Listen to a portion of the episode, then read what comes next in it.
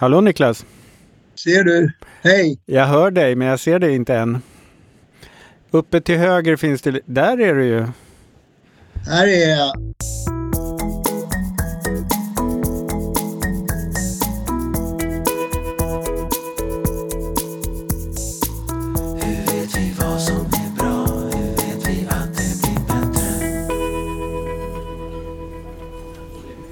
Kafferast i Kunskapsfabriken.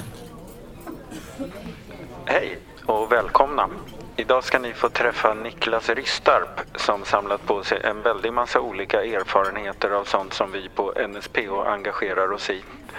Bland annat så jobbar vi lite extra mycket nu med det här kring samsjuklighet, psykisk ohälsa och missbruk och beroende. Och du själv som du säger har din erfarenhet av ADHD och drogmissbruk. Mm. Um, så blir det intressant.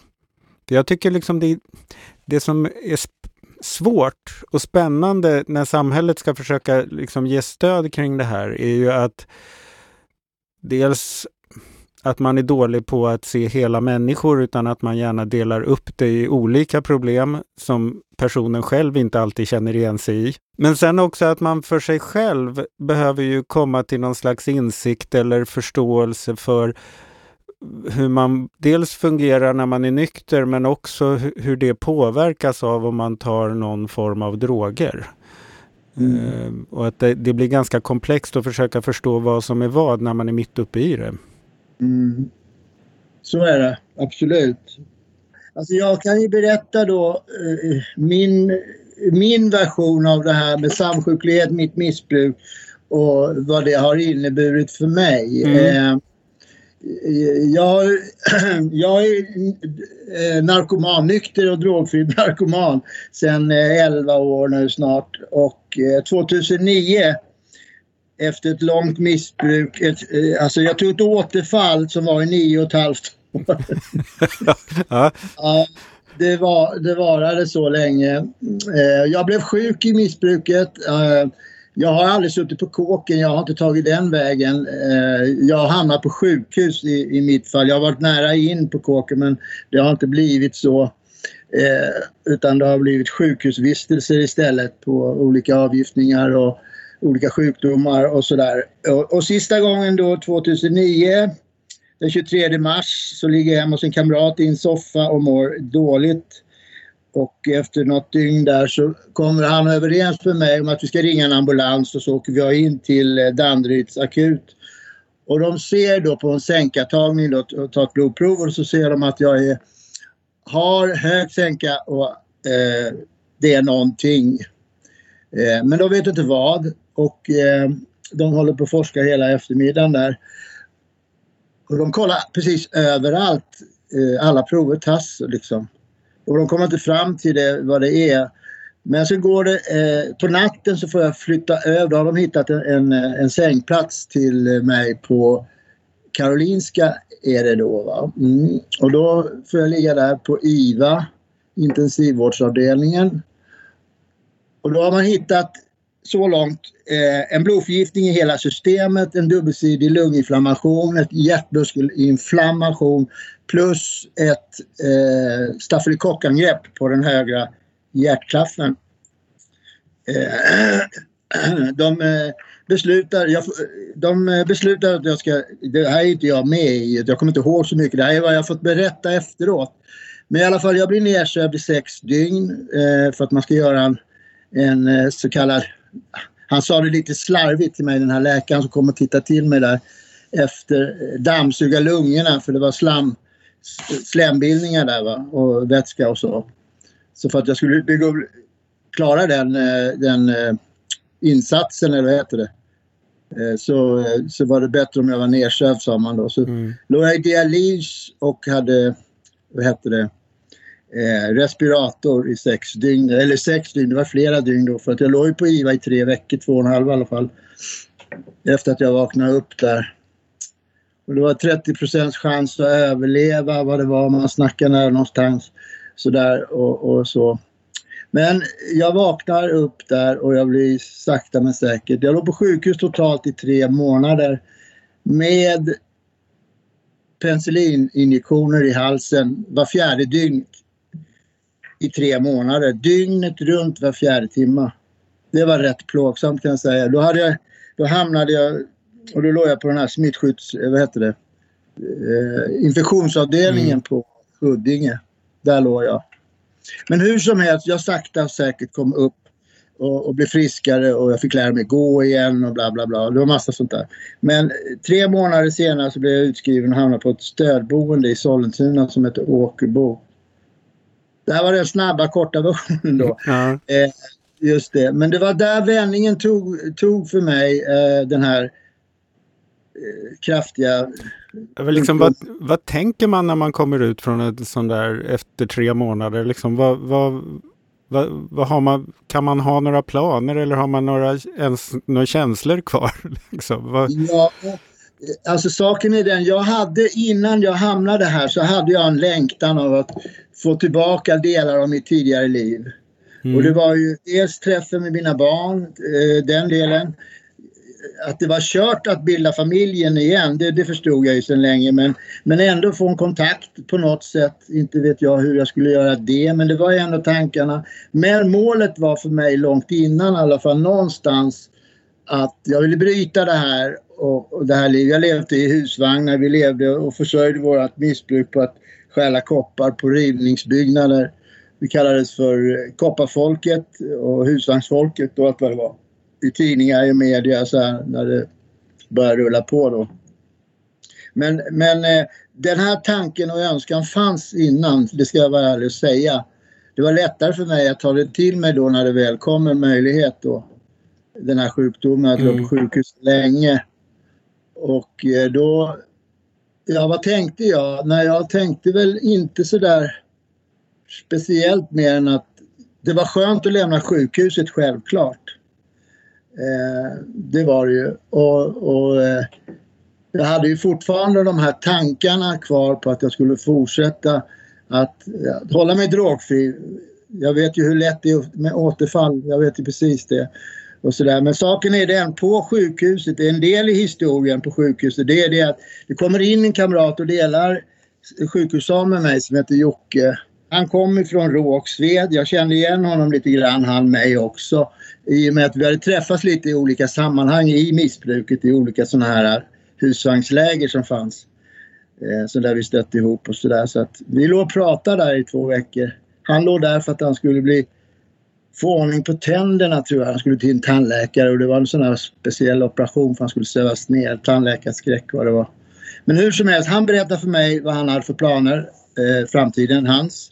Och det var det att han skulle också lägga ner och byta liv så att säga. Han hade en möjlighet i en förening som heter Musketörerna i Rågsved. Och då berättade han för mig vad det var för något och hur de jobbar och eh, eh, ja, och han hade möjlighet till att få ett så kallat lönebidrag. En anställning där. Va? Och I och med att jag hade erfarenheter av föreningsliv tidigare så var det här någonting som jag tyckte lät som intressant. Är det någonting jag ska hålla på med innan, eh, efter det här kanske? Han berättar vidare om föreningens sätt att arbeta, att man guidar in människor i samhället som vill ha stöd och hjälp med att göra en livsförändring, byta och få hjälp med narkotika, missbruk och alkohol och vad det är. Eh, och då guidar man och så bygger man då den här erfarenheten man själv har, guiderna har, som har själv gjort den här resan med att stövla in i samhället. Det är inte hur lätt som helst. Eh, alla hinder som finns, eh, all byråkrati man ska förstå, språket är annorlunda eh, och sådär. Och det lilla enkla då, ID-kortet, har man inte ett sånt så är det inte så lätt alls, eller då går det inte. Då är det helt omöjligt. Men han berättade om att man inte tillämpar nolltolerans. Alltså man säger inte till de påverkade som kommer och söker hjälp att kom tillbaka när du är nykter och drogfri. Det klickade till hos mig ordentligt. Då förstod jag precis vad det var. Det är inte någon sån där som säger ja, eller någon annan sån där självhjälpsgrupp bara du är nykter så är du välkommen. Ja. Det är det man vill ha hjälp med. ja, just det, precis. Eh, om man lyckas fixa det först så behöver man ju inte gå dit sen i sådana fall. Ja, just det. Mm. Ja, man kan tycka det, men det, det, behöver man ju. Men just det där att man inte säger nej till de som har det sämst, de som har det svårast att bryta bara för en dag, bara för två dagar eller någonting inför ett, ett viktigt möte, vad det nu är. De personerna säger man inte nej till. Och det är det jag menar, att man når, med den tanken så når man i alla fall eh, lättare de som har det absolut sämst ställt mm. längst ut där. Och det klickade. Och det, så den tanken, du frågar vad jag hade för tankar med mig. Och den tanken fanns med. Det är en av tankarna, framtidstankarna var just den här. Dra igång någonting liknande i Sollentuna. Mm. Och det har ni lyckats med? Det kan man säga. Vi har hållit på i 11 år nu.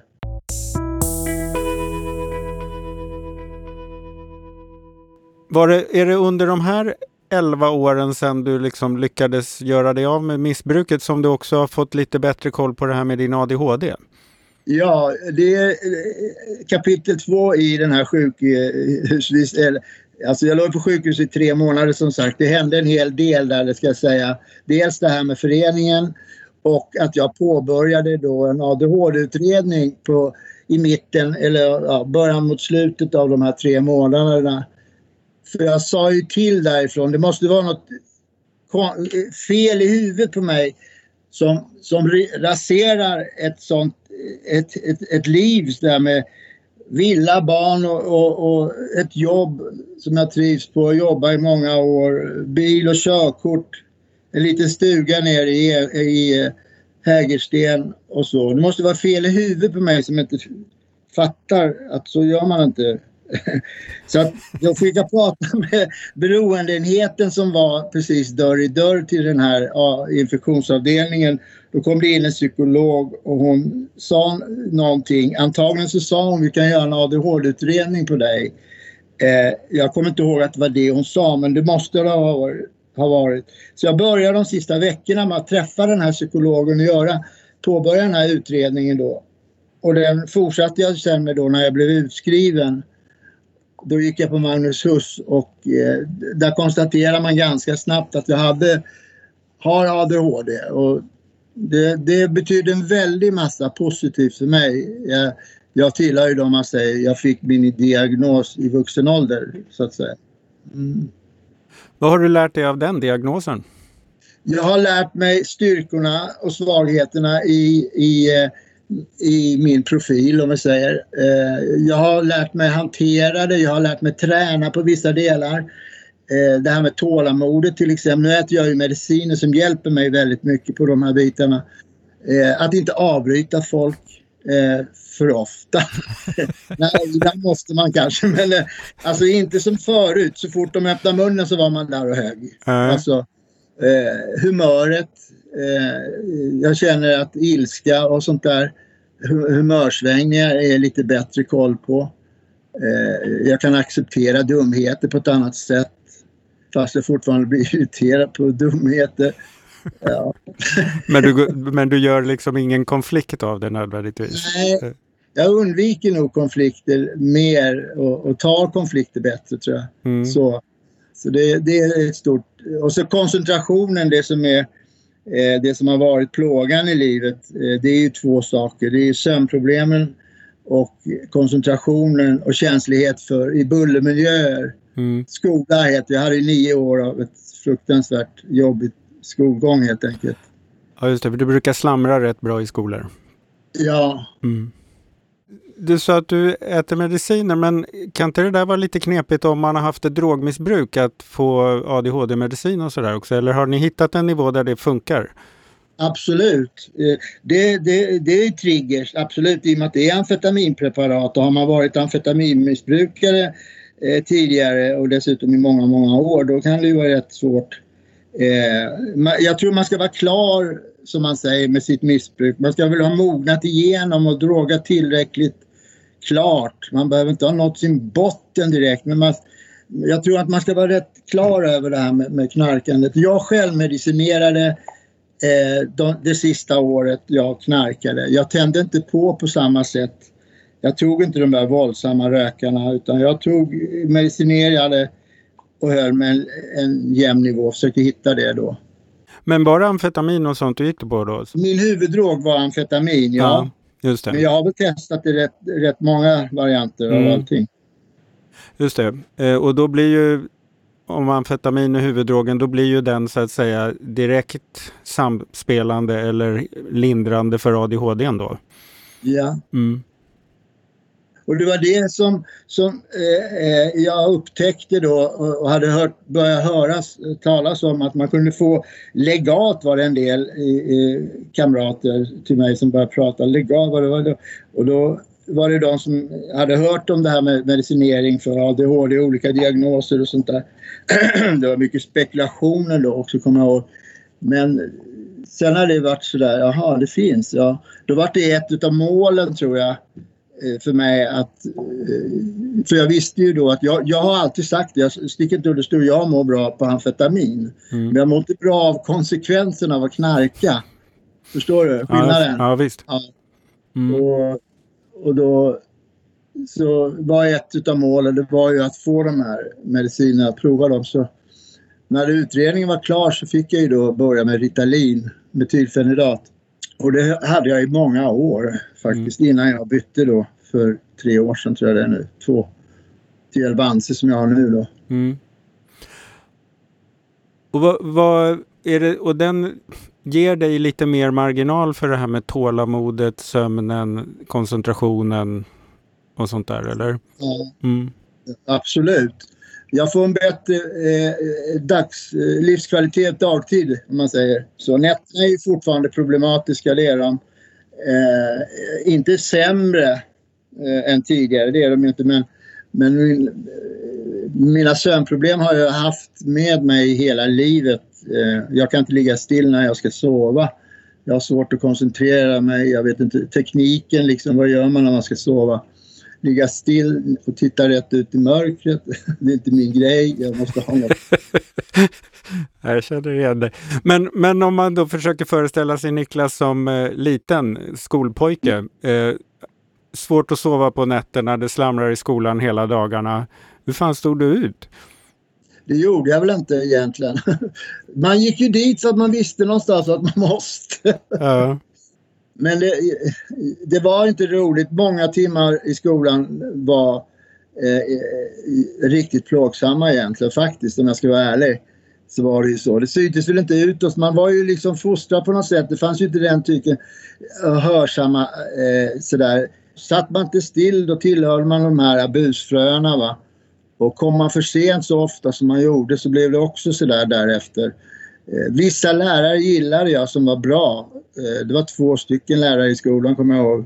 I högstadiet i alla fall. Det var historieläraren och min gymnastiklärare. Nej, gymnastikläraren det var i grundskolan eller i mellanstadiet.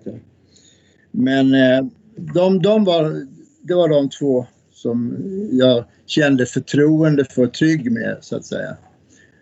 Jag kände att de såg mig på ett annat sätt och sådär. Ja. Men eh, Mm. Hade du lätt för dig, alltså det låter det är ju förstås svårt att gå i skolan när det, om man har svårt att koncentrera sig och sover dåligt och sådär. Men, men hade du svårt för ämnena också eller? Ja, alltså ta in, alltså ta in inlärningsproblem och sånt. Ja, troligtvis hade jag det också. Trög i bollen eller något sånt där tror jag att man tänkte sig. Ja, fast eh, det, det är inte nödvändigt. Det är ju mer att det är att du hade väldigt svåra filter för att få in kunskapen men du behöver ju inte vara trög inne i bollen. Nej, men det var väl ungefär så man fick acceptera sig själv ja. på något sätt. Nej, men för jag, jag, tänker ju så här att allt du har gjort sedan 2009 och framåt och startat föreningar och drivit verksamheter och så där, det tyder ju ganska mycket på att du inte är trög i bollen. Nej, kanske inte.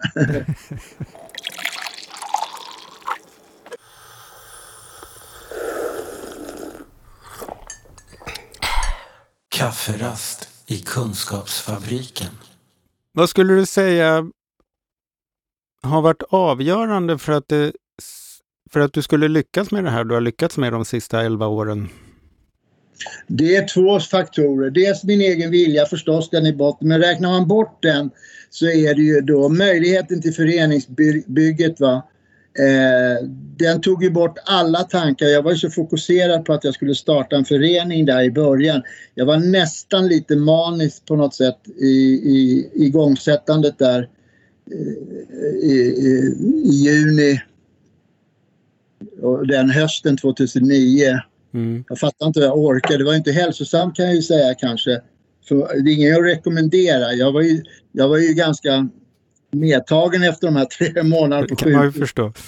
Ja, men jag hade gett mig löftet och jag hade gett andra löften också om att jag skulle eh, göra detta och så och så. Och, och, så att jag kunde liksom inte svika den grejen.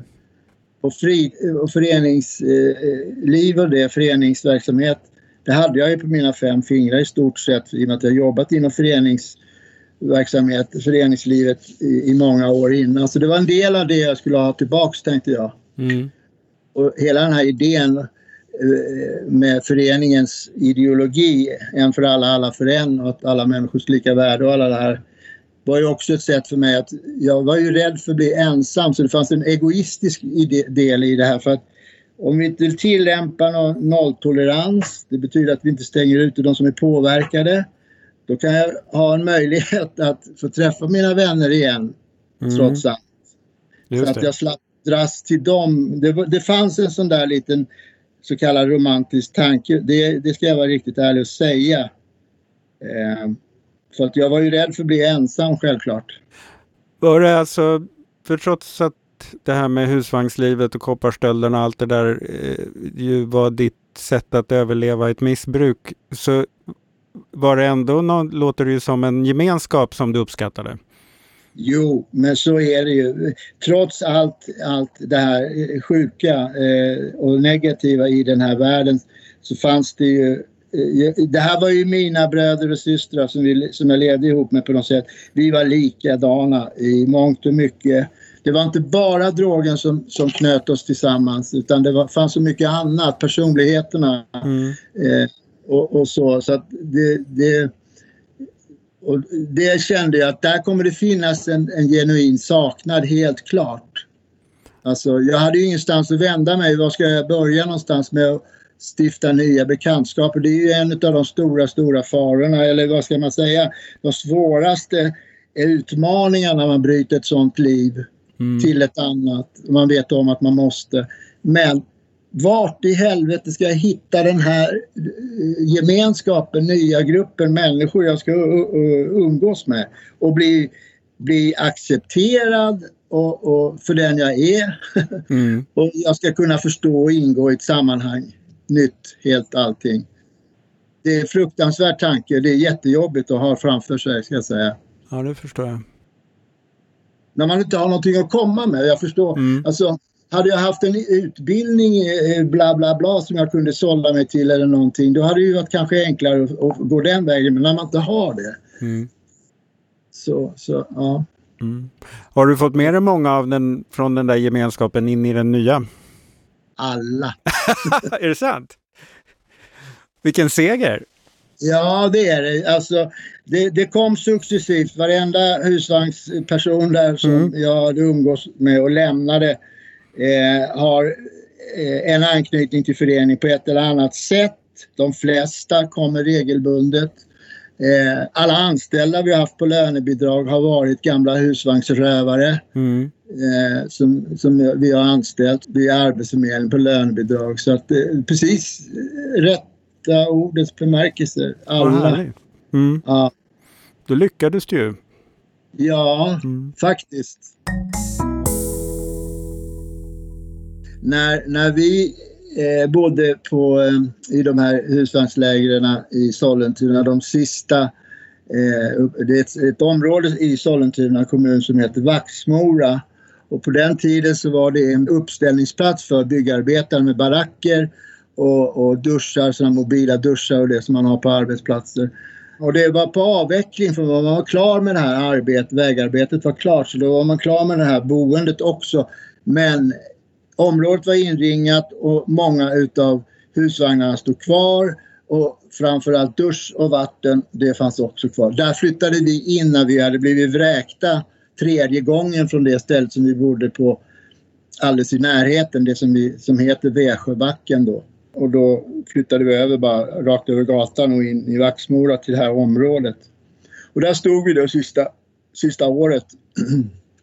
Och då kommer de här tjänstemännen upp från socialtjänsten, politiker kommer upp och pratar med oss, sätter sig hos oss i våra vagnar där och pratar om vad, vad kan de hjälpa oss med. Ja, ni kan väl ta hit en container så vi kan slänga skalen ifrån våra koppar. Eh, och eh, gärna en bajamaja till liksom. Men det var inte alls det. Det skulle ju avvecklas va. Och eh, boende, ja.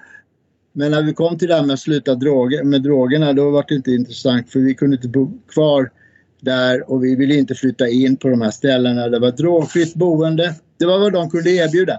Men själva grejen att man gör det, man kommer upp till oss tjänstemän högt och lågt och även kommunalpolitiker, alltså ordförande i socialnämnden, Lennart Gabrielsson, han kom upp till oss. Det är ett sätt, det, det är civilkurage. Mm. Det är så man ska göra, uppsökande va? och prata med oss och försöka hitta en lösning, en, en, en överenskommelse där och det. Det tycker jag. Så att när vi väl hade kommit igång med föreningen och sådär så var det många utav, inte många, men det var ett, ett, ett, en handfull tjänstemän och eh, chefer som visste vilka vi var. Så, där, så att de var ju väldigt nyfikna var de ju, mm. eh, förstår jag ju. Och sådär. Så de var ju väldigt öppna för att hjälpa oss och det var ju lite sådär för mig och ett par, ja, vi tyckte väl att det var lite misstänksamt. Varför ni är så jäkla nyfikna på oss här för? Sådär. Men var det sen strax efter det som du blev sådär oerhört sjuk då? Och hamnade på sjukhus? Ja just det, efter de här mm. besöken. Ja, mm. har du det. Ja just det, i den ordningen måste vi tänka. Ja, mm. det är mm. sant. Så när jag blev, väl hade blivit frisk och kommit ut och hade den här idén och började söka lokal för föreningen och så. Då var det ju många på socialtjänsten som visste vilka vi var. Ja, just det. Så då var det lite krattat i manegen så att säga. Ja, det kan man mm. säga och det var mm. lite lättare eh, på något sätt att stifta bekantskap och sådär.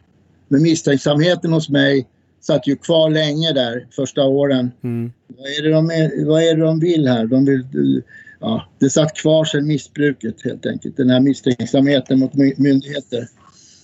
Men den växte bort sakta men säkert när, när man förstod att de ville bara gott. Sen sammanföll det ju med Gerhard Larssons missbruksutredning 2009 om att man skulle lagstifta viss, viss del av brukarmedverkan. Mm. Eh, och, och, så. Och den här kommunen tog ju det till sig hundraprocentigt gissar jag.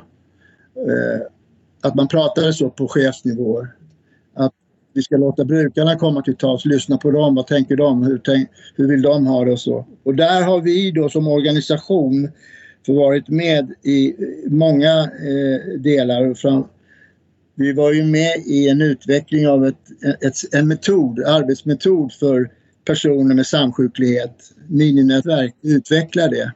Om du tänker dig ett utvecklat SIP-möte mm. som, som håller över tid med samma personer som ingår och samma delar och att man har till exempel psyk, eh, eh, socialpsykiatrin med från början. Och det är liksom istället för att den här personen som söker hjälp ska gå till det mötet socialpsykiatrin och det mötet ekonomin och det mötet för beroende så går man till ett möte där alla är med från början så slipper man att rapa upp sin historia så många gånger i olika sammanhang med olika personer och det är liksom de här personerna det här vänder sig till det är de som har det svårast eh, mm. med psykiatri, eh, alltså diagnoser och olika psykisk ohälsa och ett tungt missbruk. De som har det svårt att de kanske har boende och så men de kanske inte eh, fixar vardagen ändå. Det är mycket som ska knytas ihop för att det ska bli en väv som håller liksom. Absolut mm. så.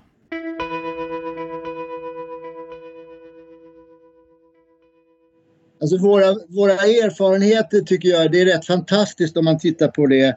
Alltså, eh, det var ju det som var misstänksamheten i början. Vad kan jag vara?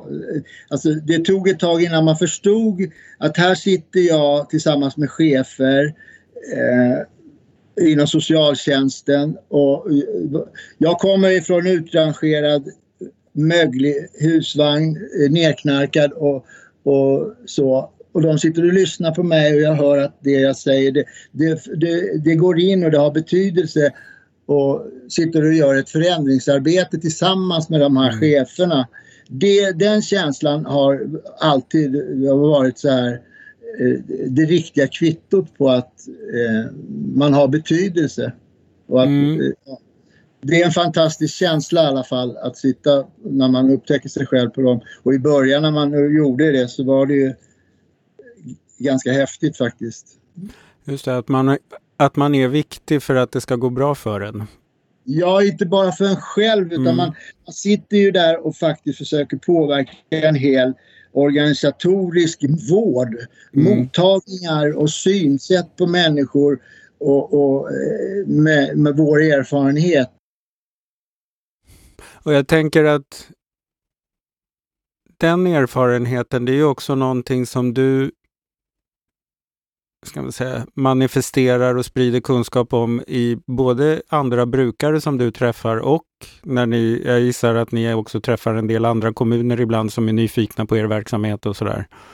Att det är liksom, att ni är ett, ett tydligt exempel på hur bra det kan bli när man faktiskt säger att vi måste möta den här målgruppen jämbördigt på något sätt. Alltså vi har ju haft tur. Den här kommunen är någorlunda rik det har ju haft sina möjligheter på det sättet. Eh, och att vi då startade här. Och sen de här personerna som har suttit på de olika posterna inom socialtjänsten, de vi kallar för änglarna mm. i systemet, som har förstått den här grejen om att man måste gå lite grann utanför boxen om man ska göra eh, eh den här insatsen som man har skolat sig till för att hjälpa människor, eh, just den här gruppen då missbrukare kanske. Det, det är en en besvärlig grupp att hjälpa kanske på många sätt. Ja, men just det, men eftersom den är besvärlig så måste man som du säger gå utanför boxen. Man måste skapa lösningen tillsammans med den gruppen för du kan inte ha pluggat dig till det på Socialhögskolan bara. Nej, mm. just det. Och då, då, det är det de har förstått. Det är därför de blir de här änglarna i mm. systemet mm. i våra ögon. För att vi, vi ser att de vågar gå mot sin chef och de vågar ta egna beslut och, och, och så vidare och vågar tänka själva. Och det är de som, som man får bäst kontakt med. Men hela den här grejen med att, eh, att samarbete brukare och en myndighet det måste till för att det ska bli ett lyckosamt eh, eh, förändringar i kommunerna. Mm. Det måste börja där hemma så att säga. Man kan inte läsa på TV, se på TV, det händer i Luleå, Umeå eller någonting. Det måste hem, hemma, på hemmaplan för att det ska bli någonting.